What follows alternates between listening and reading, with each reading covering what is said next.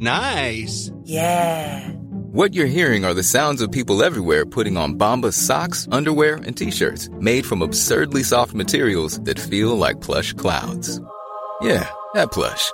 And the best part? For every item you purchase, Bombas donates another to someone facing homelessness.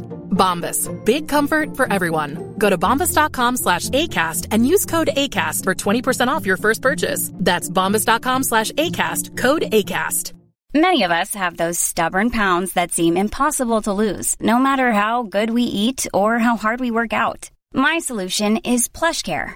PlushCare is a leading telehealth provider with doctors who are there for you day and night to partner with you in your weight loss journey. They can prescribe FDA-approved weight loss medications like Wagovi and Zepbound for those who qualify. Plus, they accept most insurance plans. To get started, visit plushcare.com slash weight loss. That's plushcare.com slash weight loss. Hey, it's Ryan Reynolds, and I'm here with Keith, co-star of my upcoming film, If, only in theaters May 17th. Do you want to tell people the big news?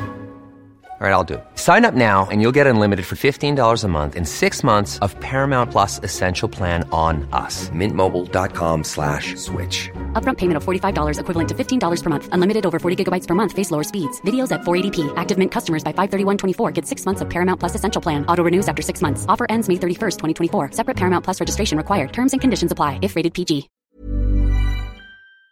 Idag har vi äran att välkomna tillbaka en kär gammal vän som vi har samarbetat med, ja, med till och från i över fyra år nu, som vi vet gör en enorm skillnad, nämligen Läkarmissionen.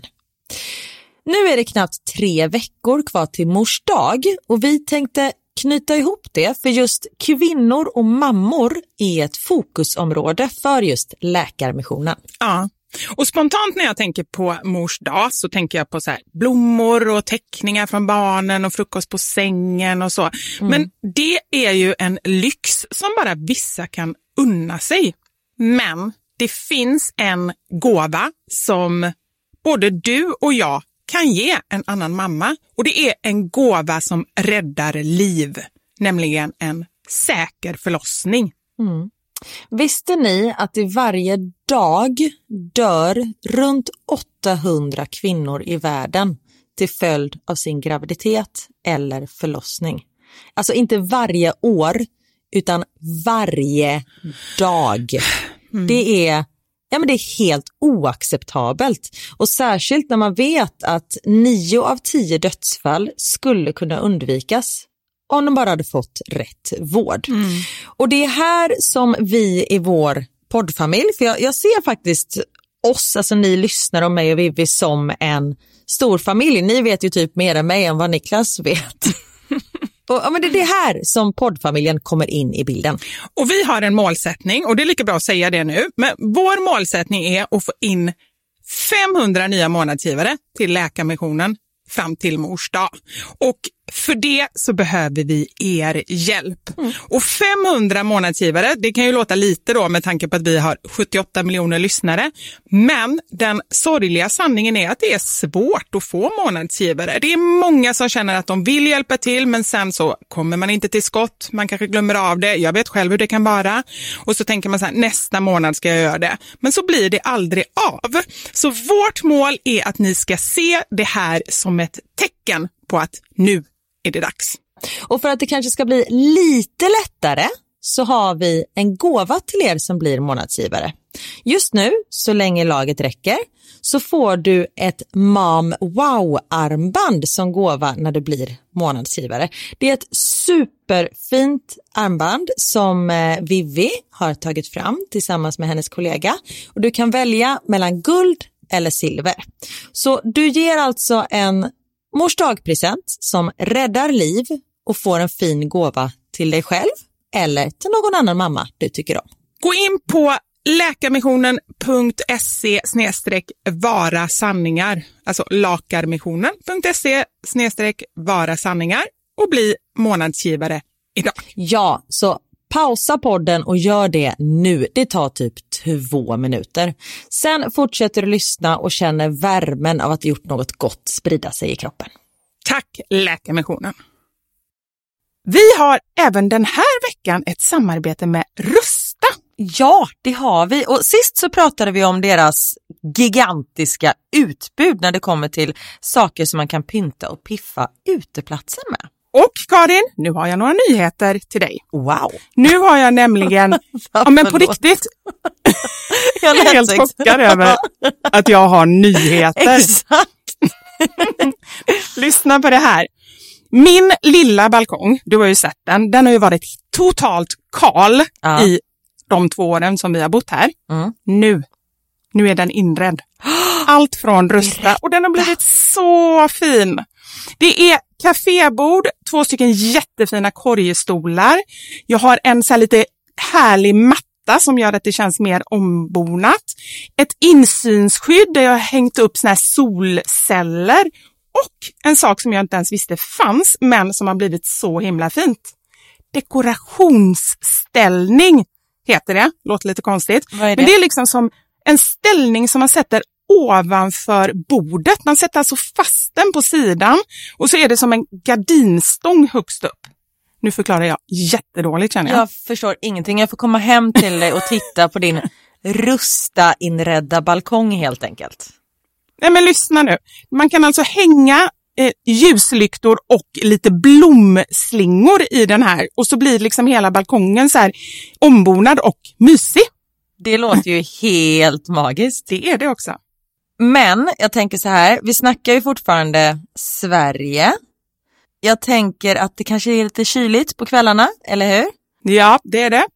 Så jag antar att du också har fixat massa nya filtar och infravärme och ljus och annat sånt som värmer dig, eller hur? Ja, men jag har allt. Det är verkligen så himla bra. Just att Rusta verkligen har allt för livet utomhus. Kvalitet till ett bra pris helt enkelt. Precis. Besök Rustas varuhus eller rusta.com. Tack så mycket Rusta. Podplay. Det är så när Niklas tittar på mig en gång och jag hade lite urringat. Jag har ju väldigt sällan urringat på mig. Och så tittar han, han bara, du har så här breda bröst. Jag bara, älskling du får en chans till att rädda situationen. Och så tittar han bara, långa? Jag bara, nej, glöm det.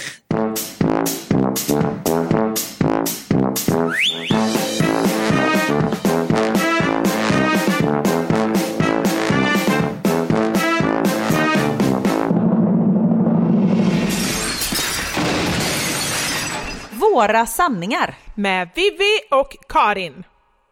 Nu börjar jag den här podden på samma sätt som jag börjat många andra poddar. Men nu ser jag min familj promenera iväg mot ljuset. Tänkte jag säga. Det får jag verkligen hoppas att de inte gör. Nej gud vad dåligt samvete jag fick. Peppa peppa ta i trä. Ingenting kommer hända då. Men de ska eh, gå ut bara för att eh, det måste vara tyst. Och de har ju en tendens att, om vi säger så här, deras starkaste sida är inte att vara tysta. Nej. Så kan jag uttrycka mig. Du, när du ringde så var de ju fortfarande kvar och eh, man kan säga att det hördes. Ja, och de var ju i hallen också, vårt favoritrum. Så det var ingen bra kombination. Men jag ser Niklas gå iväg med två barn som ska cykla plus två hundar. Varav den ena hunden drar framåt och den andra hunden drar bakåt. Och du har aldrig varit gladare av att eh, se dem på väg bort. Verkligen inte. Och jag säger också bara till Niklas, lycka till. För jag vet själv, när, speciellt när Max ska cykla. För han, ibland glömmer han hur man bromsar typ. Och du vet, bara så här, kastar ut fötterna och du vet, bara drar dem mot marken. Man bara, men du får aldrig släppa pedalerna. Nej. Och just när man har så här, två hundar, Richie börjar ju så här, springa och man själv springer. Men Leia vill ju bara hem hela tiden. Så det är spännande. Okej, men om det är så här då. Tänk nedförsbacke.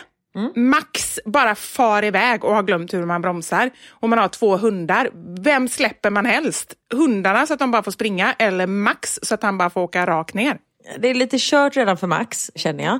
Men jag släpper hundarna och springer efter Max och försöker rädda honom. För jag tror inte att hundarna, liksom, de flyr inte. Nej, okej, bra. Ja, men jag ville bara du- dubbelkolla. Jag misstänkte att du skulle ta din son. Den där lille blonde. Ja, fast det handlar ju inte om att rädda liv, utan det handlar ju om att det är det rätta att göra. Okej. Det handlar inte om vad jag vill egentligen. Nej, det är klart. Herregud. Hur mår du? Karin, den här veckan som har varit påsklov, jag och barnen har varit hos eh, mamma i Göteborg. Och det är alltså första gången som barnen har varit där på, jag skulle säga ungefär ett år. Alltså som vi har umgåtts typ normalt och bott hemma hos mamma och sådär. För nu har hon fått sin andra, Ja, för ni var där i somras va? Men då bodde ni på hotell kanske? ja precis, då bodde vi på hotell. Ja. Och hon har fått sin andra vaccinspruta nu så att hon är vad ja, bra skydd liksom. ja. Men, och vi har varit där en hel vecka, vi kom hem igår och jag kan säga det att jag är så känslomässigt dränerad så vi skulle egentligen nu i helgen åkt upp till landet men jag bara sa det till Anders, jag orkar ingenting, alltså ingenting. Jag vill bara vara hemma, jag orkar inte prata med någon, jag orkar inte göra något. Jag är så trött.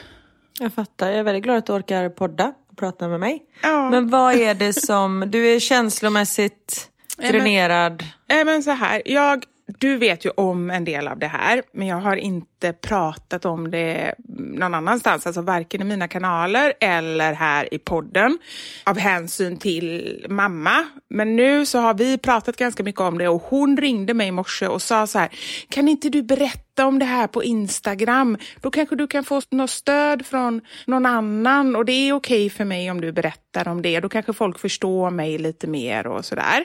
Mm-hmm. Så jag tänker att jag ska berätta lite om min mamma. Alltså, ni som följer Kortuella-Britta och ni som liksom, eh, ja, överhuvudtaget har lite insyn i mitt liv har ju också lite koll på henne. Och när man ser henne så är hon ju extremt man säga, säregen. Hon är ju väldigt annorlunda. Alltså, jag har ju nog aldrig träffat någon som är ungefär, inte ens i närheten som hon. Eller? Nej men hon är, och jag menar detta på ett positivt sätt, men hon är lite som ett barn. Hon är helt filterlös, men på ett positivt sätt. Jag menar inte att hon tänker som en treåring, det är verkligen inte så jag menar. Men jag menar att hon är väldigt frispråkig och väldigt glad och jag kan också tänka mig att det är väldigt högt och lågt där, precis som för ett barn. För de anpassar sig ju inte och jag kan tänka mig att det kanske inte Britta gör heller.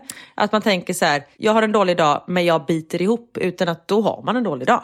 Ja men exakt, jag skulle inte nästan kunna säga det bättre än vad du sa det. Och hennes läkare har ju till och med sagt det att din hjärna Britta den funkar som ett barns. Så du har ju helt rätt i det. Och mycket också det här, antingen har hon jättemycket energi eller så bara slocknar hon. Och det gör jag, tänk ett litet barn, det är precis likadant. Du vet, Från att de vaknar, då är de uppe och klättrar i taklampan. Tills att de somnar och då är, det bara liksom, då är de ju helt knockade och de sover ganska mycket. Men det är liksom på eller av. Och hon är en underbar människa. Alltså hon är verkligen, jag älskar henne över allt annat. Det tror jag inte någon tvivlar på. Men det är också otroligt utmanande att leva i det här. Och Jag har insett nu när jag var där med barnen också. Jag har ju, jag har ju varit där själv ett antal gånger sen jag fick eh, antikroppar sen i julas när jag hade corona. Så har jag ju åkt ja, men var tredje vecka. Liksom. Och det har jag insett, det funkar faktiskt mycket bättre än när jag åker med barnen. För när jag åker med barnen, då är det som att ha tre barn. Där mamma också är väldigt mån om att säga sina åsikter hela tiden. Så jag kan inte säga en enda mening till barnen utan att mamma då ska säga exakt vad hon tycker. Och gärna så här, helt tvärt emot vad jag säger som ändå är barnens mamma. Som, liksom, någon auktoritet måste ju finnas. Någon måste ju liksom så här, har du tvättat händerna till exempel? Ha lite koll. Och det tycker hon är helt onödigt. Hon tycker att jag har för mycket koll på barnen. Och bara, det är väl inte meningen att du ska hålla på och fråga barnen hela tiden om de tvättar händerna. Jag bara, men snälla vi är mitt i en pandemi. Alltså, jag blir bara matt, jag bara tänker på det. Men de grejerna är ju hela, hela tiden. Och nu så hände en sak som har hänt en gång innan och det var i början på hösten. Och det var bland det värsta jag varit med om i hela mitt liv. Och detta hände igen nu när jag var i Göteborg.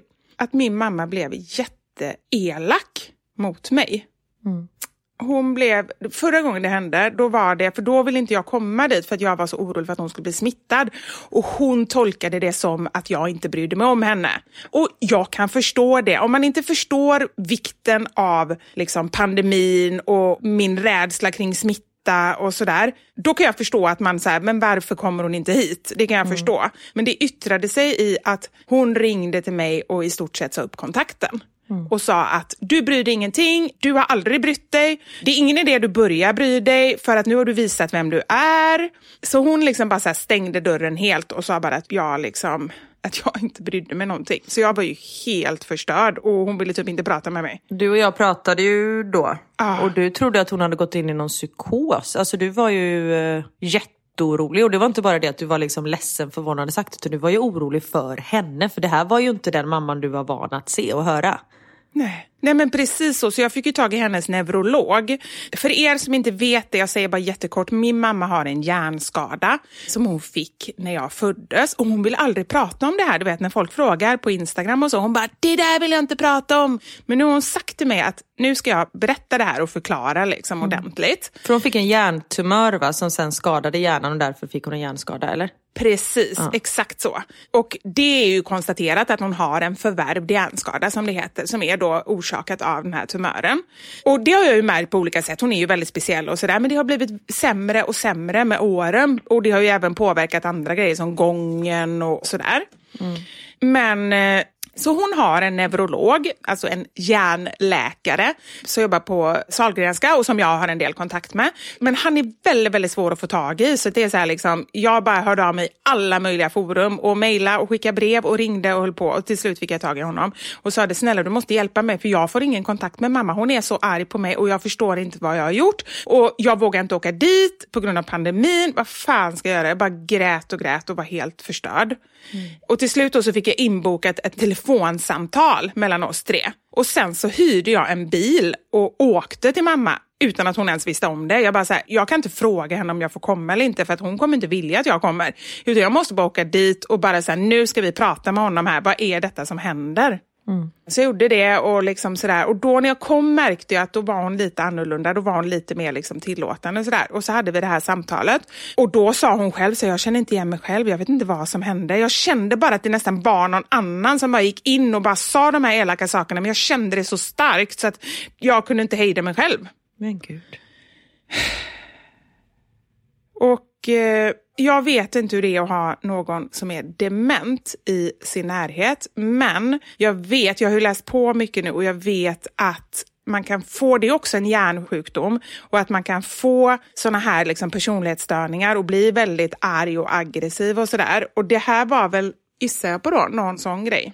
Ja. Alltså inte att hon är dement utan att hennes hjärnskada gjorde att hon blev sån här. Mm. Så hon förstod ju det, hon förstod det själv efteråt. Och bara, Gud vad dum jag varit. Kom hon ihåg vad hon hade gjort? Ja, det förstod hon. Kanske inte riktigt vidden av det. Och hon förstod nog inte hur mycket det har påverkat mig. För jag kände efter det och har känt ända sedan dess en oro i kroppen. Så fort jag inte får tag i henne, så fort, alltså så, här, så tänker jag så här, tänk om hon är arg på mig nu utan att jag ens förstår det själv. För det var så det blev. Mm. Hon gick ju bara och hetsade upp sig där hemma och helt plötsligt när jag ringde henne så bara fick jag inte tag i henne. Då ringde jag till hennes granne som gick in. Och då så, för jag trodde hon låg och sov, för så kan det ju vara ibland. Men då så stod hon där inne, så bara, nej, jag vill inte prata med henne. Och jag bara, men va? Det har aldrig hänt innan. Nej. Så att hon helt plötsligt bara hade vänt och tyckte att jag var jättedum. Hon hade byggt upp någonting i sitt Hon hade huvud. byggt upp ja. någonting och det finns ju jättemycket, alltså jag kan verkligen förstå att det blir så när man går helt själv och dessutom då med hjärnskadan, för det är ju den som liksom gör att hon inte har kontroll. Mm. Men att liksom, jag vet bara inte vad jag ska göra åt det. Och detta var i slutet på sommaren, typ början på hösten. Och sen så har det ju ändå varit okej okay sen dess. Och sen nu när vi var där, då hände en liknande grej. Då sa hon helt plötsligt till mig så här att Vivian, kan jag prata med dig? Barnen var nere på rummet liksom, och spelade eller någonting. Och så kom jag in hon bara, du behöver inte skratta, för det är det jag har att säga är inte roligt. Och jag bara, okej. Okay. Och då blev jag ju så här, du vet, hjärtat i halsgropen, bara shit, nu är det någonting igen. Och då så bara, jag tycker du kör över barnen. Du bryr dig inte ett dugg om vad de säger. Du bara kör över dem att de ska tvätta händerna. Och till saken hör att Knut fick väldigt, väldigt rinnande näsa och kliande ögon. Mm. Och jag kände till 98 procent så är det allergi, för det var alla allergisymptom. Mm. Men i dessa tider så kan man inte chansa.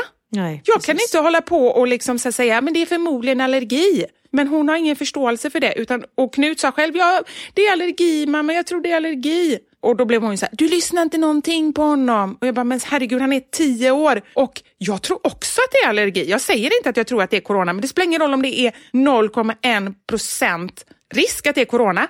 Man måste tänka att det är corona. Mm. Faktiskt. Men hon var bara så här, du, hon var så elak och sa liksom så att jag var en dålig mamma. Inte dålig sa hon inte, men liksom så att ah, du bara kör över dina barn och du lyssnar ingenting och, och jag tycker synd om barnen. Alltså såna grejer som är så jäkla hemskt också att höra. Det är ju liksom det värsta man kan höra. Mm. Så det är liksom, ja, så då hände det igen och sen så faktiskt gjorde vi så att när det började lugna ner sig så läste vi på kring hennes hjärnsjukdom och vad det liksom kan, alltså en hjärnskada, vad det kan leda till och det står verkligen det att det kan leda till beteendeförändring och aggressivitet och sådär. Så jag måste bara, jag vet inte hur jag ska göra, men jag får väl bara ta det liksom. Jag kan inte göra någonting. Innan har jag bara blivit arg på henne och bara, nu får du skärpa dig och du vet så här. Men hon kan ju inte göra någonting.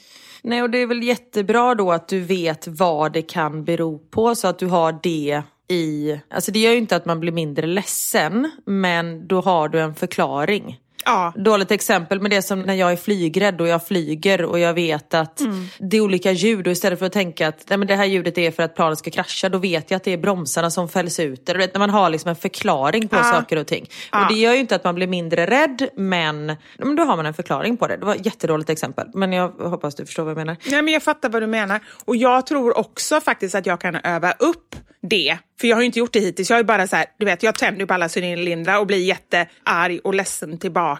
Men jag behöver öva på just det. här. Okej, nu är det inte min mamma längre. Nu är det en annan person och så får jag hitta en strategi. Jag pratade ju lite, eller ganska mycket med min psykolog efter förra omgången när det hände. Och hon sa ju att när du märker att din mamma blir sån här, liksom lyssna en liten stund för hon behöver prata av sig och sen bara avsluta och bara säger det att vi får prata om det här vid ett annat tillfälle. Nu känner jag, nu är du inte liksom, nu mår inte du bra och vi ska inte prata nu. Det blir inte något konstruktivt. Vi får prata senare. Mm. Vad sa barnen? För de var vi ju där. Ja, men de var ju där mitt i allting och det var så himla hemskt att de hörde allting. Men jag gjorde faktiskt så att, för det var riktigt, alltså vi skrek och jag grät och hon grät och liksom sådär. Men jag kände som, när vi hade liksom lugnat ner oss lite, då sa jag att jag ville att de skulle komma och att vi skulle prata om vad som har hänt. Och så läste jag faktiskt en del av förklaringen av det som vi hade läst om sjukdomen och förklarade för barnen att det här är symptomen. Det är ju bland annat liksom glömska, att de måste sova mycket och så just det här med personlighetsförändring. Och mamma sa ju det själv, vilket var väldigt bra, att nu har jag varit dum, och, men jag kan inte hjälpa det. Men ju de verkar, jag tycker ändå så här, det är jättesvårt med barn, nu är de ganska stora, men de verkar ändå ta det bra. Och som jag alltid ändå försöker liksom säga till andra och försöker tänka själv, så tänker jag så här att för att de, alltså barnen, ska känna att det är okej att ha alla känslor, att gråta, vara arg, bråka, känna avundsjuka, alltså alla även jobbiga känslor, så måste ju vi också kunna visa om vi känner det. Och det kanske inte är något så här ultimat. Hade jag fått välja, nej men då hade jag valt att barnen inte skulle vara där. Men nu blev det och det blev så starkt och det blev så mycket så att det var ingenting som man bara säger, nej men vi tar det när jag åkt hem i telefonen. Alltså det fanns inget alternativ. Nej. Och då kände jag bara så här, då får det vara så här och så får jag förklara för barnen sen efteråt.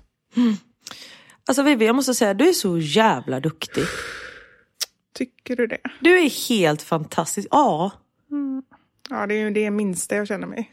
Nej men lyssna här, du är liksom själv i det här för du har inga syskon och ingen som kan backa upp dig. Du bor i en annan stad, du åker till henne så ofta du bara kan. Du är, du är fantastisk. Det var väldigt snällt. Men jag känner, och det värsta är att jag känner mig bara så otillräcklig. Ibland kan jag se utifrån med andras ögon det du säger nu. Men ofta så känner jag bara själv så här för att det är så mycket jag inte hinner, orkar, kan, mäkta med. Och liksom så här, då bara känner jag allt som är kvar. Som jag bara känner så här, herregud jag kanske borde kolla upp något hem, jag kanske borde ta henne till Stockholm, jag kanske borde... Och du vet så här, då känner jag ju snarare så istället. Ja, men du gör ju allt som du kan. Du kan ju faktiskt inte göra mer än vad du... Jag menar du har ju ett heltidsjobb, du har två barn, du har en man, du har en lägenhet, du bor långt bort. Alltså du har ju mycket att stå i som det är. Och sen att ta hand... Jag vill inte säga ta hand om din mamma, jo men det gör du ju. Det gör ju så otroligt mycket för henne. Och jag jag förstår att man kan känna sig otillräcklig, för det gör ju jag med mina föräldrar också. Och då har ju jag liksom 5% av det som du går igenom. Man vill ju vara överallt och göra så mycket mer hela tiden. Men du gör verkligen, du gör allt som du kan göra. Du vänder ju för fan ut och in på dig själv. Ja, det gör jag. I alla fall i vissa tillfällen. Liksom. Men sen också så ibland kan jag känna också så här, för folk skriver till mig, åh du är så himla gullig mot din mamma och ni har så en himla bra relation och sådär. Och det har vi verkligen till stor del, absolut. Så det är inte fake någonting av det jag lägger upp. Men vi har ju det här andra också och det har inte jag med, liksom, av hänsyn till henne liksom velat prata om innan. Men nu har ju hon själv sagt det och det känns faktiskt väldigt bra att kunna säga, säga allt. För jag gillar mm. verkligen inte att undanhålla saker för då känns det som att, att liksom jag ljuger. Fast du undanhåller ju ingenting utan det är bara att du har valt att inte berätta det. Alltså det är inte så att du ljuger om någonting. Nej. Och sen tycker jag också, för jag vet att du har pratat om det förut att du vill liksom lägga upp när du känner dig deppig och sånt där också. Du har liksom ingen skyldighet mm. att göra det. Nej. Alltså verkligen inte. Nej, jag vet. Jag har ingen skyldighet, men det är lite det som jag står för. Alltså så här, jag vill att även sociala medier ska kunna spegla en verklighet för att man själv, alla som tittar och följer, också ska kunna känna sig lite normala. För en, det man ser i sociala medier generellt är ju precis man lägger upp när man är glad, vilket också är helt naturligt. Men mm. det är lite det som jag vill komma bort ifrån. Det är också därför jag känner så här. Men precis som du också säger att jag har ingen skyldighet till det, men det känns ändå bra. Absolut, det förstår jag. Men om du hade haft ett riktigt jobb, tänkte jag säga, ett vanligt jobb. Om vi hade suttit på kontor, mm. du och jag, och jobbat på ICA. Det är inte så att vi så skickar ut ett massmail varje dag och bara, så här mår jag. och en liten film när man är deppig liksom. Nej, nej det är sant. Alltså verkligen inte. Nej. Eller ropar ut i högtalarsystemet. Hej hej, det var Karin här, kassa tre. Jag vill bara säga att alltså det, som sagt, man har verkligen ingen skyldighet till det. Och bara för att, jag menar, du har ett Instagramkonto där du pratar om dig själv. Mm. Så du behöver inte visa allting hela tiden. Sen tycker jag att det är fantastiskt att du gör det. För just som du säger att man blir otroligt inkluderad i ditt konto. Mm. Men det är absolut, du har inte den skyldigheten. Och du, ja, Nej, men du har rätt. Absolut. Men det känns ändå väldigt bra. för jag, Och också det här att liksom...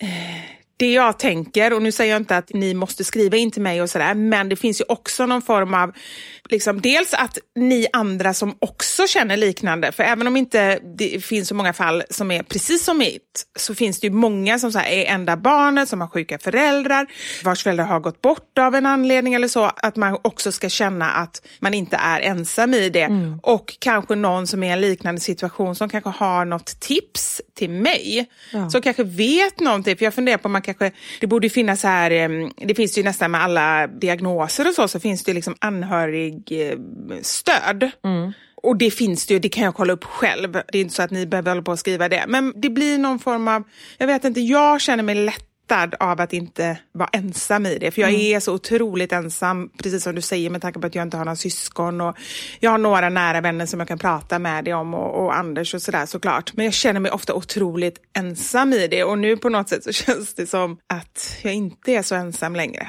Mm. Men det är ju jättebra. Och sen måste man också respektera vissa när man känner så här, vill känna sig själva i det. Alltså man vill inte inkludera Mm. Andra man kanske inte vill berätta. Men, men du mår bättre av att dela med dig och det tycker jag är fantastiskt. Så funkar jag också om jag är ledsen eller någonting. Utan det, det är skönt att liksom få ur sig det. Och som du säger att då finns det ju faktiskt möjlighet att få lite hjälp. Så om det är någon av er 78 miljoner som lyssnar som kanske har inte, som du säger, varit med om exakt samma. Men... Eh... som har lite stöd. Ja, jag tänker om man går igenom, om man har cancer till exempel, då är väl ett av stadierna ja. också så här ilska och aggressivitet och att man är arg på allt och alla. Ja. Och då finns det väl liksom för anhöriga lite tips och råd hur man ska tänka där. Ja, Ja men jättegärna, ni får gärna tipsa. Och ni är så himla gulliga, alltså verkligen sen förra veckan. Jag vet att vi ofta brukar säga det, att oj oj oj vilken respons. Men på riktigt så många DMs jag har fått kring det här med, eh, kan du gissa vad? Jag kommer inte ihåg vad vi pratade om förra veckan. Jag tänker som bara den, men jag kommer inte ihåg. du kommer inte ihåg vad vi pratade om för fem minuter sedan? Nej. Nej men jag, då berättade jag också, det hade också med min mamma att göra, det här med att jag hade telefonen i sovrummet och inte kunde sova och så. Ja, just det. Ja. Jo, men jag också fått, jag har fått massa tips som är till dig, för de är rädda att du inte läser dina DMs för du får så många. Vad gullig. Så det är många som har skickat till mig. Ja men det är så himla fint för då har ni verkligen engagerat er. Många som bara, jag stoppar podden mitt i bara för att skicka det här. Ja. Just det här att jag kan sätta på tyst läge där bara så favoriter kommer igenom. Precis. Eller att man kan göra att om man ringer upprepade gånger så går man igenom. Så nu har jag gjort det och jag tackar så jättemycket jättemycket för det här tipset, för det är ju helt suveränt. Det har ju varit hemskt att ha, till och med när vi har fått så notiser och grejer så har det ju pipit innan. Det ju, går ju inte. Ja men det är ju så här, Expressen, Aftonbladet, någon bookbeat har kommit med någon ny bok. Alltså man får ju notiser hela tiden. Ja, ja men exakt. Så det, ja, det känns... Eh, ja, och så känner jag också nu, det måste jag också säga, att när jag berättar det här nu, ja, du vet ju om en hel del innan, men jag har inte berättat mm. allt för att det är ju mycket så här att liksom, ja men, jag vet inte om jag ska berätta det i podden, ja men du vet så här. Mm. Så att för mig nu att berätta det är mycket också för att berätta för dig Karin, att du ska liksom få en bild av det hela, för mm. du är en av mina nära vänner. Ja, vad fin, men du vet ju att du kan ju alltid du kan alltid ringa till mig. Nu har inte jag, jag får sätta dig i eh, favoriter också, sätta på eh, de inställningarna så du når fram till mig mitt i natten också. Om det är något du vill prata om. Mm, det kommer du ångra. du bara, hej! Sitter här och äter banan. Tänkte bara se hur läget var. Nej men jag skulle nog hellre när det gäller dig vara uppkopplad på ditt övervakningssystem faktiskt. Ja, det är härligt. Om det finns som ett alternativ. Ja, vi, har inga, vi har inga kameror i sovrummet, men vi har på hela undervåningen. Men jag kan börja sova i soffan om du vill, så du kan titta på mig. ja, precis. Eller, men det kan väl inte vara så himla jobbigt att montera upp en kamera i sovrummet? För din skull, inga problem. Ja, ja men eller hur? Självklart. Tack. Vi löser det.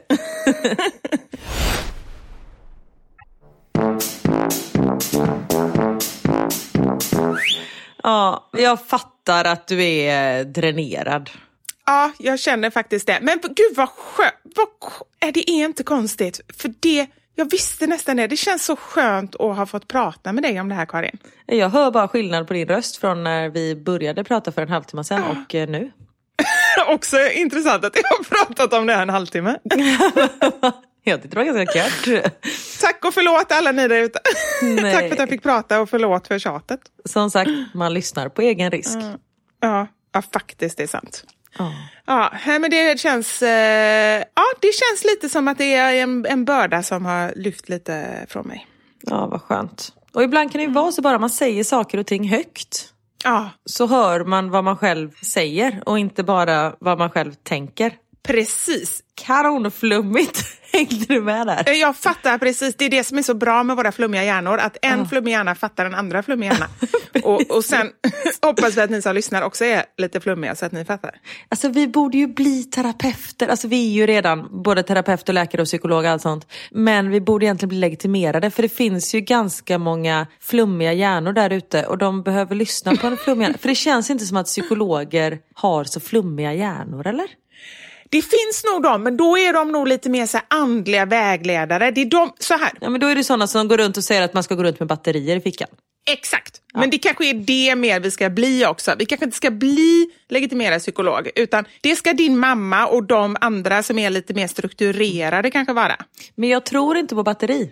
Nej, inte jag. Inte nu gör inte jag det. Detta är ju det är över tio år sedan som jag gick runt med ett batteri för att döda parasiter i kroppen. Men jag kände hur det liksom vibrerade i kroppen, hur de dog, dog parasiterna. Det var ditt hjärta som vibrerade? ja, någonting var det alla fall. Nej, men det kanske inte var så himla sunt, jag vet inte. Men om du visste, Karin, vad många kurer jag har gjort i mitt liv för att när jag hade så väldigt problem med min hy, mm. Men det är också en grej, detta måste jag faktiskt prata om nu. Att just det här med när man har något problem som man tycker är väldigt jobbigt. Mm. Tänk nu din huvudvärk. Mm. Vem var det som gick och piercade sig? Vem har slutat nästan dricka alkohol? Vem, alltså så här, du gör ju det du kan för att bli av med det för det är så jobbigt. Mm. Så man är ju, de flesta människor är ändå ganska liksom, beredda att testa olika saker när man har ett problem. Sen så tror jag ändå det finns de som kanske går lite mer på det medicinska och de som går lite mer åt det alternativa hållet. Mm. Och jag är ju mycket åt det alternativa hållet. Ja, och där är ju inte riktigt jag. Nu tänkte så på piercingen, men jag var ju sån hela tiden så här, ah, men om det inte funkar så tycker jag fortfarande att det är snyggt. Ah, okej. Okay. Så där hade jag den backup-planen liksom. Men jag vet ju folk som inte alls är spirituella men som drabbas av cancer till exempel. Just att man väljer och att det liksom inte finns någon medicinsk hjälp. Man ska säga. Och just att man väljer alternativ medicin då för att man vill inte ge upp. Man, man äh, famlar efter varje halmstrå som finns. Ja. Och det är ju självklart att man gör det. Hoppet är ju det sista som överger en, eller vad är det man säger? Och det kanske också är det som gör att man, nu har inte jag varit i den, här, den situationen, peppar peppar, så jag ska inte uttala mig, men som, jag kan tänka mig också att det gör att man orkar lite mer och lite längre för att det fortfarande ändå så här, men tänk om jag testar det här och det funkar och tänk om jag testar det här och det funkar. Men exakt. Men om man bara säger nej, det finns inget mer, medicinen funkar inte, det finns inget mer, då är det liksom, ha, vad ska jag göra då? Ska jag bara lägga mig ner och liksom, Men man vill ju inte ge upp. nej. Vad var det du tänkte säga med din hud? Min hud, alltså jag vet inte vad jag inte har testat. För jag hade ju så här, jag hade ju inte alls mycket finnar när jag var tonåring som de flesta ändå får finnar. Då hade inte jag det. Men däremot efter barn så började jag med p-piller ett kort tag och då fick jag jättemycket finnar. Då slutade jag med det. Men de försvann inte. Nej. Utan Barnen. Jag skojar. Förlåt. Karin älskling, du får mig alltid att skratta. Nej, finnarna. Nej men eh, både barnen och finnarna var kvar. Men barnen vill jag inte bli av med. Men finnarna, Och nu bara jag ser att det sitter massa finska människor hemma i din soffa. Och att de vägrar gå. så kollar på ishockey och har så här finska flaggor. Hela tiden och bara det är så här fulla hela tiden. Du bara, alltså kan, kan inte gå nu? Jag gjorde allt för att bli av med de där finnarna, Ja. men de satt kvar. Ja, nästan. Nej, men du vet, jag så här, och så gick jag in i olika så här hälsokostbutiker och alla har ju sina grejer. Bara, det var någon som bara, du måste basa kroppen. Vet du vad det är? Nej. Nej, det vill du inte veta heller. Det är sånt, jag funkar ju inte på det här sättet men som sagt om jag hade varit i en annan situation kanske jag hade gjort det. Men jag är ju inte så mycket för sånt här. Nej. Jag älskar krämer, jag älskar vitaminer och sånt där. Men just när man ska så här basa kroppen eller slå ut magnetfältet. Alltså jag, jag är för eh, realistisk tror jag. Ja. Men förklara, vad är att basa kroppen? Ja, då ska man äta föda som är basisk. Man kan, det är liksom surt och så är det ju basiskt. Men då så enligt det här då, den här metoden så är det för att huden är vårt största organ och det är den som liksom så rensar och ventilerar. Och är man för sur i kroppen så ska man liksom äta basiska grejer. Okej. Och då liksom la jag om hela min kost och det var så jäkla jobbigt. Det var typ, jag kunde bara äta typ så här groddar och nu har jag ingen minne ens vad jag kunde äta. Jag har för mig jag inte kunde äta någonting. Så det var, alltså hela mitt liv blev så tråkigt. Och groddar smakar ju sagge. Det luktar ju så. Förlåt. Men alltså, det var så tråkigt och äckligt. Och jag, du vet, så här, det var man, så här, jag kunde inte gå på restaurang, jag kunde inte göra någonting. Så hela livet blev ju... Sen kanske inte jag var jättebra på att man kan säkert laga någonting med groddar eller så. Men jag bara satt och åt de där groddarna. Man kan fritera dem, man kan lägga dem i ett korvbröd. Jävligt svårt att sätta dem på en pinne dock. Om det inte är en jätteliten pinne. Och då måste korvbrödet vara gjort av groddar också. Alltså jag kan inte Exakt. sätta dem på ett korvbröd, jag får inte äta korvbröd. Nej, det får du ju inte. Det kan du glömma. Ett groddbröd. Groddbröd! Där har vi ett uh, Göteborgsord. Ja, det har vi verkligen. Men jag har testat massa andra grejer också. Och krämer, olika tarmsköljningar och behandlingar. Har du gjort det? De sprutar upp vatten i rumpan och sen så går det runt systemet sen så ut igen. Nej, jag har faktiskt inte gjort det. Nej, jag har inte gjort det. Jag, jag ljög lite också. jag har testat att ljuga.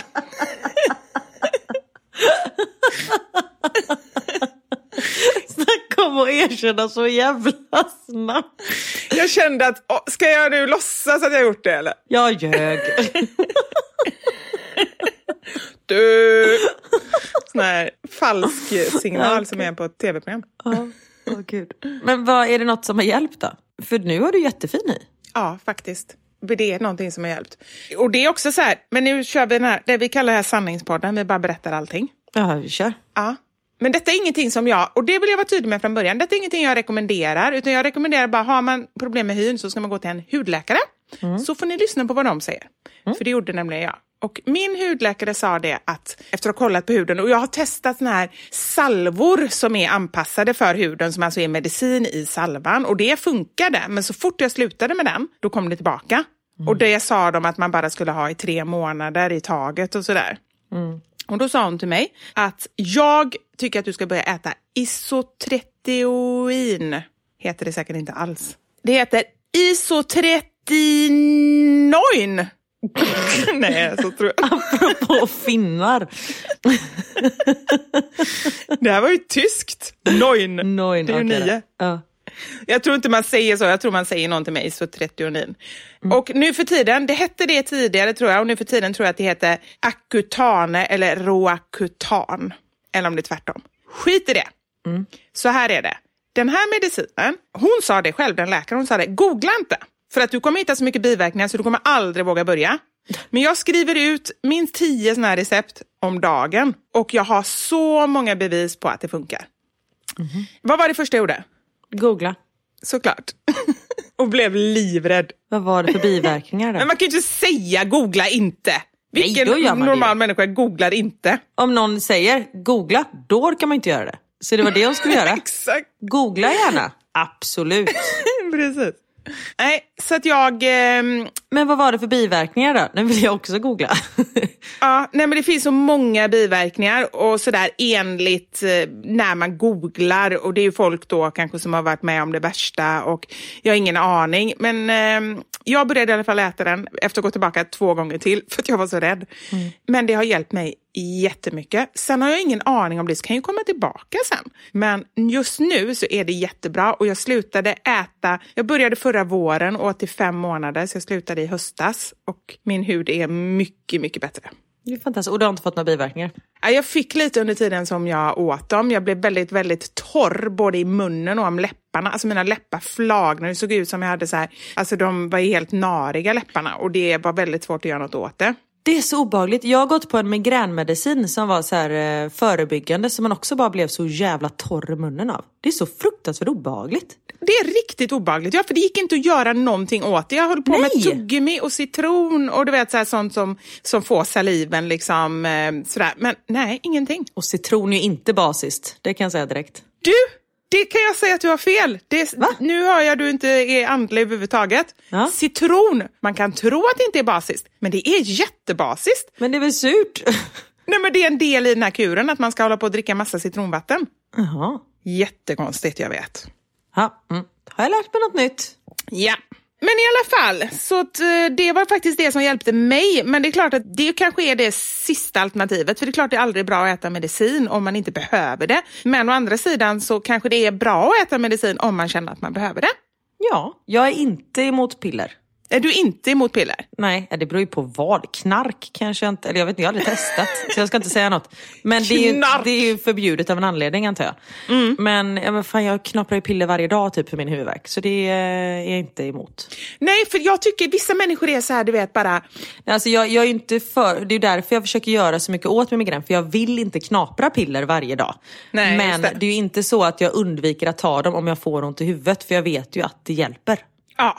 Ja men precis. Nej men det är ju det jag tänker också, just att bara vara emot piller. För vissa är ju sådana, nej jag är emot piller, jag tar inga piller. Då kan jag tycka lite, ja, alla gör som de vill, som vi alltid säger. Men, Men, men.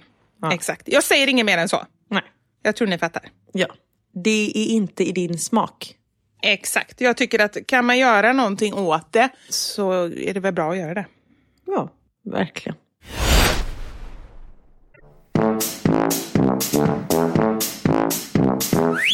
Men gud Kari, jag har pratat jättemycket idag. Det känns som att du inte har fått någon syl i vädret. Vet du vad, det gör ingenting för du har pratat om så viktiga saker. Och saker som du brinner för och du mår bättre av nu efteråt när du har pratat. Ja, det gör jag. Och så känner jag mig lite så här, eh, inte uppeldad, uppfylld. Alltså mer så här som att, Upprymd. upprymd. Ja men upprymd, bra, upprymd. Det var något med upp, jag visste det. Tack. Och en annan sak som jag är upprymd över, som Ja. jag vill dela med mig av till dig. För det är till dig också. Jaha. Vi har fått ett, Har vi fått brev? ett handskrivet brev. Nej. Jo. Och det är inte bara brev, utan vi har fått presenter i brevet också. Nej, berätta. Och det var så fina presenter! Så du får dem när vi träffas nästa gång. Nu har jag många presenter att ge dig tills när vi träffas. Verkligen. Jag har ett eget rum med bara presenter att säga va? Ja, men nästan. Hade jag haft ett eget ett extra rum här på Söder, då hade det varit Karins presentrum. Oh. Berätta, vad är det för något? Ska jag börja med att säga vad det är för i presenterna eller ska jag börja läsa? Gör vad du vill. Ja, Okej, okay, jag börjar läsa. Mm. Här kommer ett handskrivet brev. Jag måste bara få berätta för er hur jäkla härliga ni är. Det var innan de lyssnade på den här podden. nu kommer presenthögen sina här känner jag. Hur ni alltid får mig att skratta högt och att ni faktiskt har hjälpt mig med väldigt mycket på grund av att ni är så kloka. Tack. Gud vad skönt att andra tycker det också, att det inte bara är vi som tycker det. Fast det, det viktiga är egentligen, det är skönt att andra tycker det, men det viktiga är att vi tycker det. För vi hade kunnat köra den här podden helt själva, vi hade haft jätteroligt. Ja. Men vi är ju glada att någon vill lyssna på oss. Verkligen. Och så här också, till mina vänner och föräldrar så presenterar jag er som mina terapeuter. Hur fint är inte det? Alltså mitt mål, nu kan jag dö känner jag. Nu är liksom mitt mål, ja. Jag känner att om jag skulle kunna dö, då vill jag ändå ha legitimerade innan terapeuter. Det kan vi väl ljuga om? Du ljuger om att du har fått en tarmsköljning. Det kan vi väl ljuga om att vi legitimerade. ja, det är sant. Kanske är olagligt i och för sig. Och sen har vi fått så här dedikationer till oss. Så först är det till mig och sen är det till dig. Då läser jag det. Mm. Vivi, jag bara älskar när du ska berätta något och du verkligen skrattar så mycket så att du knappt får fram ett ljud. Det är ju härligt att någon älskar det. Ja. Jag älskar din ärlighet och det har ni fått en dos av idag. Och att du bara är som du är. Du knörslar inte tet. Nej. Och till Karin. Jag vet inte om du vet det själv, men jäkla vad jag skrattar högt när du alltid ska överdriva. vet du om själv att du är så underbar när du överdriver, Karin? För det är du. Det är så härligt att höra när det är en sån fisk som väger 40 kilo. Man bara, eh, den vägde kanske tre. Jag älskar det. Det är så mycket roligare att lyssna på någon som överdriver. Okej? Okay? När du eller Vivi berättar något så ska du alltid bara lägga till lite extra. Det är svårt att förklara, men jag bara älskar det. Och du, dina TikTok-videos, fan vad bra de är. Verkligen alla. Jag kan titta om och om igen och skratta lika mycket varje gång. Men tack. Eller hur fint? Herregud, vad heter den här människan? Eller vill någon säga det? Hon heter Karilutan på Instagram. Hon heter Karro och kommer såklart från Götet. Såklart. Det är ju liksom... Mm. Men Karo, tusen tack. Ja, så fint. Och hon har också ett till ord som vi säger skitofta, som mm. inte har reflekterat över själva. Exakt. Exakt. Ja. Precis, det säger vi båda två. Och så har hon och, och hennes kompis Ebba bokat biljetter såklart till våran show och de längtar så tills det blir av. Och vi längtar också kan jag säga. Ja men verkligen. Har vi ens sagt att det är den 3 oktober? jag visste inte ens, jag kommer inte ihåg datumet så jag har nog inte sagt det. Jo men anledningen till att det händer liksom en sak på hela året Ja. Och det är livepodden. Och en liten till sak. Max fyller år och jag råkar sätta de här på samma dag. Det är därför jag kommer ihåg det. Men vad prioriterar du? Podden såklart. Han kan ju inte datum, alltså det är bara att säga att han förlorar typ tre dagar senare så är det löst. Underbart Karin, men jag ja. alltså, det är det jag säger. Jag älskar hur du prioriterar. Ja, men du kommer först. Jag och 78 miljoner kommer ändå före en liten, liten kille som du inte ens vet vad han heter. Verkligen, han är lille blonde. Idag var jag tvungen att säga det, för jag ropade och så jag säger, säger alltid fel namn på dem. Jag har två namn att reda på, det är Max och det är Theo. Och jag säger fel varje gång. Så jag bara, Max, eller nej, du, den andra. Och Theo bara, jag heter Theo. Så jag bara, älskling du förstår att jag vet vad du heter. Han bara, ibland. Jag bara, okay. ja men tänk det. De känner sig, alltså så här, man märker att de ändå känner sig älskade och det säger ganska mycket att man kan till och med, de kan tro att man inte vet vad de heter och ändå känna sig älskade. Då har du ganska stort spann liksom innan du är nere på botten Karin. Faktiskt. Ja. Vad skönt. Men tillbaka till Karo. tusen, tusen, tusen tack. Gud vad underbart. Alltså tänk om alla hade fått såna här liksom, fina eh, handskrivna brev när de kommer till jobbet. Ja. Men kan vi inte... Eller det kan jag göra, det jag har ju på tråden som mamma brukar säga. jag vill uppmana er att Skriv ett handskrivet brev till någon som ni tycker om. Till en vän, till en förälder, till en granne. För man blir så himla glad när man får det. Det är lite Ja. så här, what gives around comes... ar- Nej, vad heter det? Jo, what, What, what comes... Nej. what goes around comes around. Ja, exakt. Ja. Ja, men verkligen. Och vi har ju pratat om det med de här vykorten man kan skicka. Riktiga vykort. Det är ju också en sån sak. Alltså det istället för att skicka ett sms eller ett mail, skicka ett brev. Kanske inte om det är så här, vilken tid ska vi ses ikväll? Nej, Det är jättejobbigt för det, det tar ju ganska lång tid innan de kommer fram. De tillfällena kan det vara bra med sms. Jag ville bara förtydliga så att det inte absolut. blir några missuppfattningar här och så får vi massa klagomål sen efteråt när folk har skrivit brev och, och frågat sen vad det blir till middag och sånt där. Vad bra att du gjorde det. Jag orkar inte. Och så fick vi strumpor, det var det jag skulle säga. Vi fick strumpor där det står så här, if you can see this, bring me wine. Åh. Och jag kan inte tänka mig några bättre strumpor än det. Tack Karo. Tusen tack Karo. Folk är så snälla. Jag älskar människor. Oftast. Ja, ja, men, ja, jag håller med. Eller våra människor älskar jag i alla fall. Ja, våra människor. Tänk att vi har 78 miljoner människor som är våra. Ja, det är helt otroligt. Och sen har jag den lille blonde och han den andra också. Exakt, men man kan avrunda till 78 miljoner, det går Ja. ändå bra. Precis. Åh, puss på er. Puss. Och apropå komplimanger. Det är ju faktiskt det som vi ska prata om nu. Det har blivit dags för...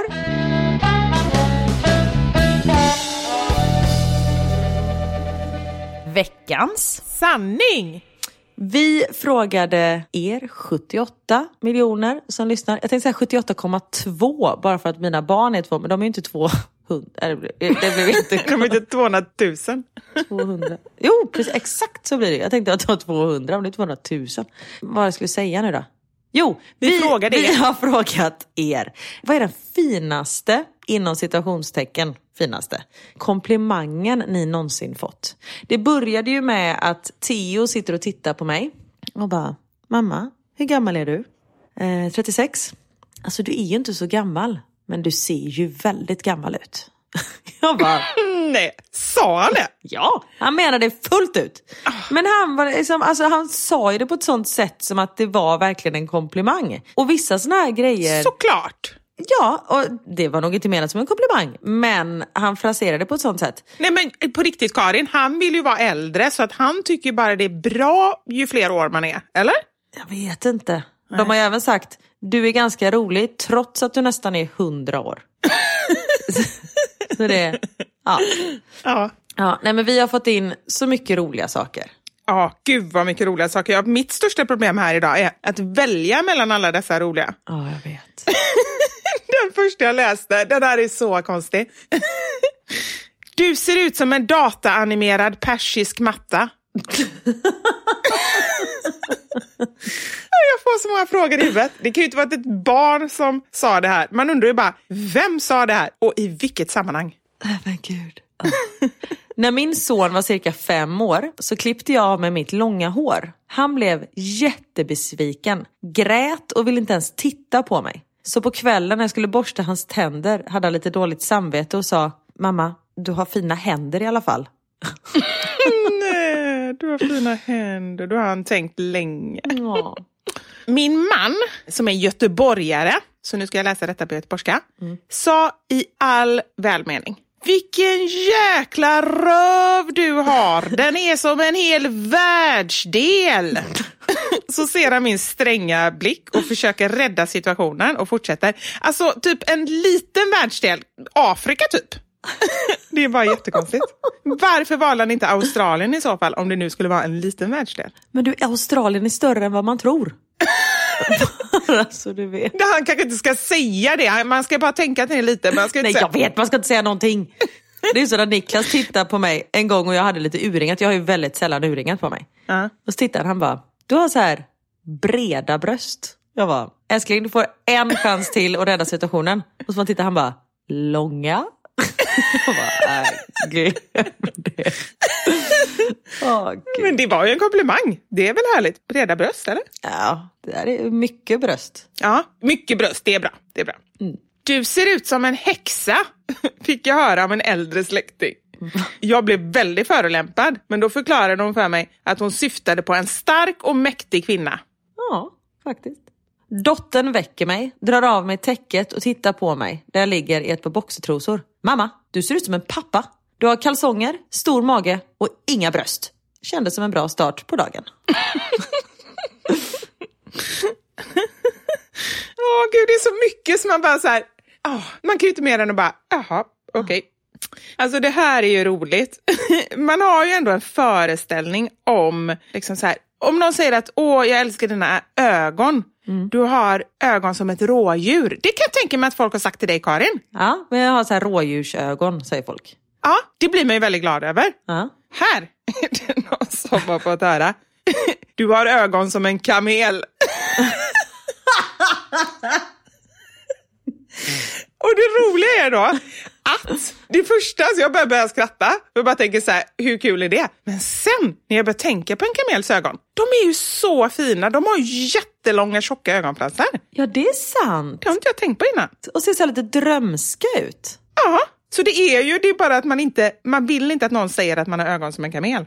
Nej, verkligen inte. Och här är det en annan också, apropå ögon. Det är två eller tre som har skrivit att de fått en komplimang, att de har ögon som ser ut som koögon. Det är inte heller bra. Då tänker jag också bara på för jag har dissekerat koögon. det är nog därför, för jag tror vi har gjort det också. Det ingick mm. så här i typ åttans biologi eller någonting. Ja, mellanstadiet var det nog. Mellanstadiet? Mm. Ja, ja. Det här är ju lite annorlunda. Man vet inte om man ska bli glad eller inte. Jag skulle ta cellprov och tanten som sitter mellan mina ben säger det ser riktigt fint och hemtrevligt ut där inne.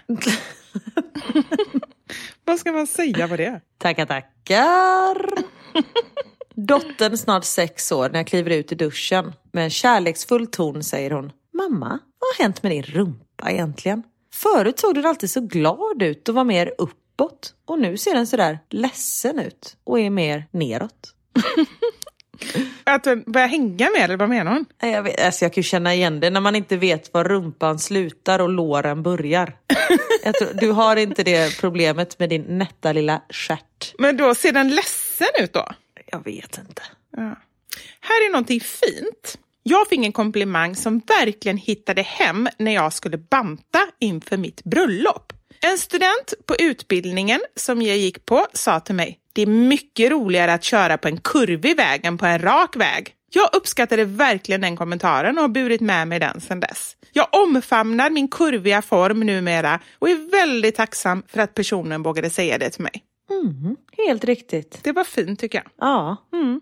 För det kan jag också känna, för det är också flera som har skrivit just det här, att folk på något sätt tar sig friheten och säga att man är smal eller så, åh du ser ut som att du har gått ner i vikt eller oj mm. vad smal du är eller sånt där. Mm. Precis som då tror de att det är en komplimang. Mm. Och det är också så här, vad är det som säger att man vill vara smal? Exakt. Alltså så här, och jag vet inte, jag blir bara så irriterad. Varför måste man kommentera andras kroppar överhuvudtaget? Nej, jag vet. Jag kan tänka mig att de säger det för att vara snälla, men jag tycker inte att det, man behöver hålla på så. Mm, nej, verkligen inte. Det hände faktiskt mig häromdagen jag sprang på en eh, bekant som har, hon har gått ner mycket i vikt och jag vet ju inte om hon vill det eller hur hon mår, alltså så här, vad anledningen var. Mm. Och jag var faktiskt så här, vet, precis när man ska säga någonting, sen bara, nej, varför har jag rätt till att göra det? Och jag blev så irriterad på mig själv att jag ens reflekterar över det, samtidigt som det är klart att man reflekterar hur någon ser ut. Sen ja. behöver man inte liksom göra någonting av den reflektionen. Men så jag var så här, nej hon vet väl om det. Mm. Jag behöver inte säga det till henne.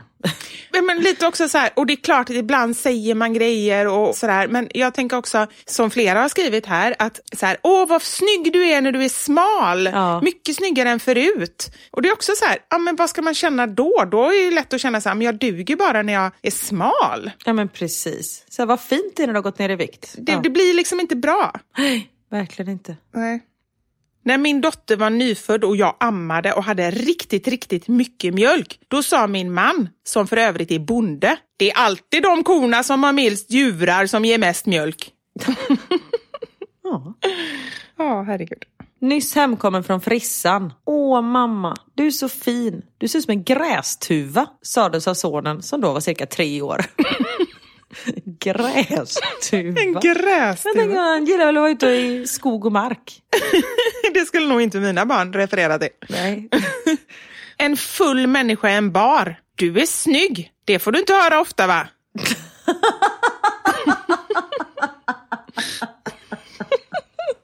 alltså hur kan man tro att det är en komplimang? Alltså det är ju så. Åh gud. Jag har ju fått som komplimang. Så bara, Ja. gud, du påminner om min mamma. Man bara, va?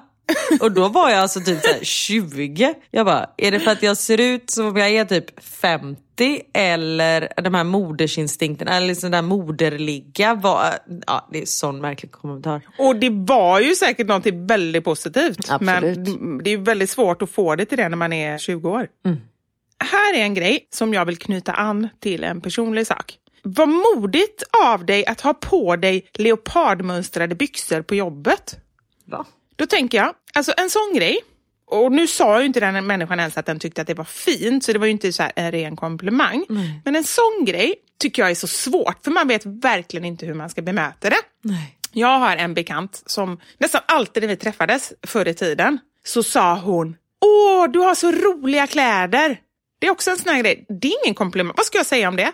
Tack. Jaha. Men så, jag hade nog tagit det som en komplimang, för jag vill ju alltid ha lite roligt. Alltså när det kommer till kläder. Niklas är så här, han bara, ja, men vet, om man pratar om någonting, "Åh, vad tyckte du om den här tröjan? Ja den var fin. Så jag bara, men den var väl lite rolig? Och då är han så här, men måste allting vara så jävla roligt hela tiden? Ja, det kanske är så. Eller så är det bara för att jag vet hur hon är. Ja, att, precis. Ja, det är nog mer det. Hade det varit någon annan som hade sagt det, då hade jag kanske bara sagt ja, den var rolig. Men att, nej, jag, det var ingen komplimang. Jag vet hur hon är. Det är nog mer det i så fall. Ja precis. Men har du hört talas om begreppet kränklimanger? Nej men jag kan förstå vad det heter, det var väldigt roligt. Eller det var briljant. Ja men eller hur är det bra? Jag har hört i någon annan podd. Undra om, jag vet i alla fall att Karina Berg och Carolina Gynning har pratat om det. Ja. Men jag vet inte om det är de som har myntat begreppet. Men just det här att man väver in typ någonting kränkande eller nedvärderande i något som ska låtsas vara en komplimang. Typ, gud vad fin du är trots att du är så tjock. Alltså en sån grej. Nu bara jag sa något. Ja, men lite så. Ja. Så man liksom inte riktigt vet hur man ska ta emot det. Nu var ju den ganska uppenbar, Ja. men man kan också göra det lite mer smygande så att som mottagare av en sån så är det väldigt lätt att bli så här, okej, man vet inte vad man ska känna och sen efteråt så lämnas man bara med en känsla av att liksom, ja, men, man är bara ledsen för man bara känner att någon egentligen har nedvärderat den eller liksom kränkt den. Ja men precis. Nu är vi inne på det där, varför ska man hålla på så? Det var som vi pratade om förra veckan, det här med fin tröja och sånt där. Ugh. Nej, det är, så, ja, det är jättetråkigt. Min dotter sa till mig, mamma, du är jättesnygg. Även om jag hade varit en hund hade jag tyckt att du var jättesnygg. När du berättade vad du skulle bjuda på middag idag så tänkte jag, fy fan vad äckligt. Men det var faktiskt helt okej. Men det är ju en sån, det är en sån kränklimang, eller vad heter det? Ja, ja men faktiskt. Och sen, det var inte så här, men det var faktiskt jättegott. Nej, det var helt okej. Alltså det är så många bottnar i det. Ja, men precis. Jag har ju fått det som komplimang, eller som vad det nu heter, kränklimang när vi bjöd ett par på middag för första gången. De var hemma hos oss. Och han var så här, du det här var faktiskt gott. Nej, hur fan var det han sa? Jag, jag hade gjort en lasagne. Jag var så här, alla gillar ju lasagne. Så jag, om det är så här, en kärleksfull lasagne med massa goda grejer. Och han bara, jag gillar verkligen inte lasagne, men eh, det här var faktiskt gott. Ja. Okej, tack. Jag vet vem det var som var hemma hos dig. Ja. Jag kan lista ut det. Jag tänker inte säga något. Det var hennes man som sa det. Ja. Men gud, ja. Eh, jätte, jättekonstigt. Här är någon komplimang som du skulle kunna få Karin. Och du skulle bli jätteglad. För det här är någonting du brukar skryta om själv. Oj, okej. Dina ögonvitor är jättevita. Trots att du är så full. Kanske du som har skrivit in det. Precis, det är jag som har skrivit in den. Ja. Här är en som... jag fattar när jag läser två gånger, men bara när man hör det första gången så är det så här, bara, ja det var ju himla roligt. Du är lika viktig som luften. Det är ju jätteviktigt. Ja, men första känslan var ju typ att man är, man är som luft för någon. Förstår du? Alltså typ oviktig. Ja men det är ju jättekonstigt när folk säger så här, du är luftvärd. Ja. Säger man inte så? Det är ju det viktigaste man kan vara. Är det ett uttryck? Du är luftvärd. Det kanske man inte säger. Du är guldvärd. Guld värd. Nej, det var inte rätt någonstans då. det var inte ett rätt. Du är som luft för mig, så kanske man säger. Och det är ju inget bra. Nej, du jä- det var därför jag blandade ihop det. Det borde ju vara det bästa. Verkligen. Här igen. Ta det lite lugnt idag pappa. Mamma har lite mens. Gullis. Här är en. Den här ska man ta till sig om man har eh, såna här eh, bristningar. Åh! Du har ju så här coola flames på magen. Från femåriga sonen på badstranden. Ja, det kan jag Det ta är åt mig på. flames. Det är typ coolast som finns ju. Verkligen. Det är ju sånt som folk tatuerar in. Exakt. Kränklimang på gång. Du är otroligt vacker. Speciellt med dina ekorrtänder. Oj. Ja, den är ingen hit. Det är lite konstigt, eller? Ja. Mamma, du har ingen snopp. Du har en igelkott. Åh, gulligt. Mamma, dina skinkor hänger, men de är i alla fall stora. det var två grejer i ett liksom. Sypen tio år sedan. Jag har ganska ljus hy, det vill säga typ vit. Efter några dagar säger min ena dotter, Mamma, nu är du inte vit längre. Nu har du faktiskt blivit eh, lite beige. Lite beige. Fast egentligen det är ju helt sjukt att man säger vit, för att man, det är ju ingen som är vit. Nej, inte helt vit. Man borde säga att man är beige. Ja, det är mer åt det hållet för er som är beiga. jag. Jag fick smeknamnet Glädjeflickan av en kund. Oj. Det var för att man blev så glad när man såg mig. Ja. Det har ju inte han någon aning om. alltså, så här, bara sagt det. Nej. Precis. Och själva ordet glädjeflickan låter ju väldigt trevligt. Sen när man vet vad det innebär är det en annan grej. Ja, exakt. Vad roligt, du ser pigg ut för en gångs skull. Ja, tack så mycket. Ja. Min äldsta dotter när hon var cirka fyra år. När jag blir stor vill jag vara som du mamma. Mobiltelefon, örhängen och vågor i pannan. Vågor. För några år sedan så blev jag sparkad av en häst i ansiktet och fick ett fult sår på näsan.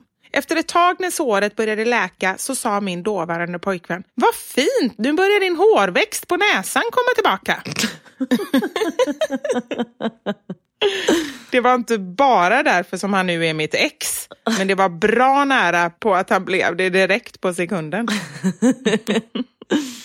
Mamma, får jag kolla på dina tänder? Wow, du ser nästan ut som en drake. Lite spetsiga tänder kanske. Ja, kanske. Samtidigt som en drake är det coolaste som finns.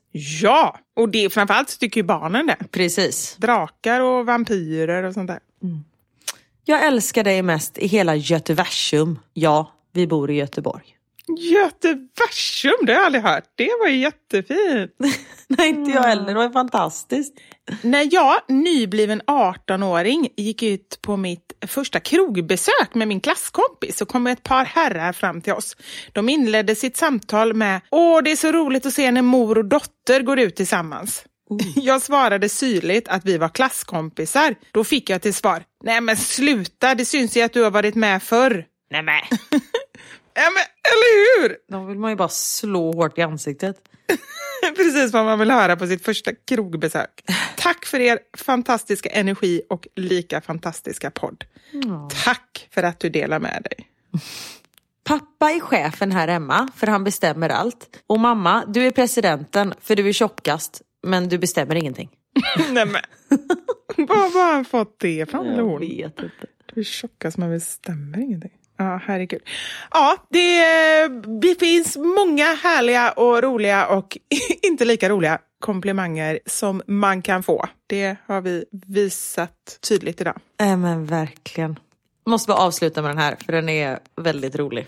Kom ut i duschen och hade använt en ny duscholja. Min son fem år. Mamma, när jag kramade dig så fastnade min näsa under ditt bröst och det luktade inte som vanligt där. Jag. Okej, hur luktade jag då? Sonen. Mm, ja, typ damm och gammal mustasch. Gammal mustasch, då undrar man ju verkligen vad han har luktat på. Nej, fantastiskt. Ja, underbart. Ja, som sagt, man ska ta åt sig av det som eh, man vill ta åt sig av. Man får sålla lite bland alla de där komplimangerna som man får. Ja, och vissa, jag tycker ändå det var skönt att höra vissa som man bara så här, ja men lite beroende på hur man tolkar dem så mm även om de kanske inte... Först när man hör dem så känner man bara nej, så blir man ledsen. Så bara nej, men hon tycker faktiskt att mina flames är fina. Och när man tittar på dem egentligen, vi är ju bara så inpräntade med att så ska det inte se ut och så här ska man se ut och man ser olika modellbilder och så. Vem är det som säger att det är så? Det är mm. bara samhället. Precis. Skit i det! Flames, ascoolt! Verkligen, jag flames spelar magen. Love them! Åh, alltså förstå hur cool du är. jag vet. Och apropå eh, vad samhället har präntat in igen. Jag har börjat eh, lyssna på den här boken som du tipsade om förra veckan. Ja. Otämjbar. Vad tycker du? Den är jättebra. Ja. Jag har inte kommit så långt men eh, lyssnat någon timme. Ja. Men absolut. Men ibland är det bara bra att få lite påminnelser. Det är därför Ja. jag tycker om att lyssna på den typen av böcker. Det kanske inte är så att man bara så vänder upp och ner på hela sitt liv eller bara åh, nu älskar jag det här som jag hatade innan. Det behöver inte vara så. Det kan bara vara små påminnelser som ändå man kan gå tillbaka till och liksom lyfta en lite i vardagen. Mm, verkligen. Och det gör ni också, lyfter oss i vardagen. Åh. Tack för att ni finns där. Tack. Karin för att du orkar med mig och orkar lyssna både när jag är uppe och nere. Mer än gärna, det vet du. Tack för att du finns hörni. Vi hörs igen nästa vecka. Det gör vi. Ta hand om er. Ha det gött!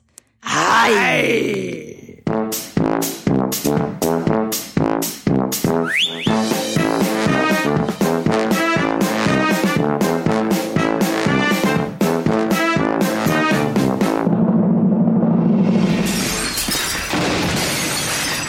Våra sanningar. Med Vivi och Karin.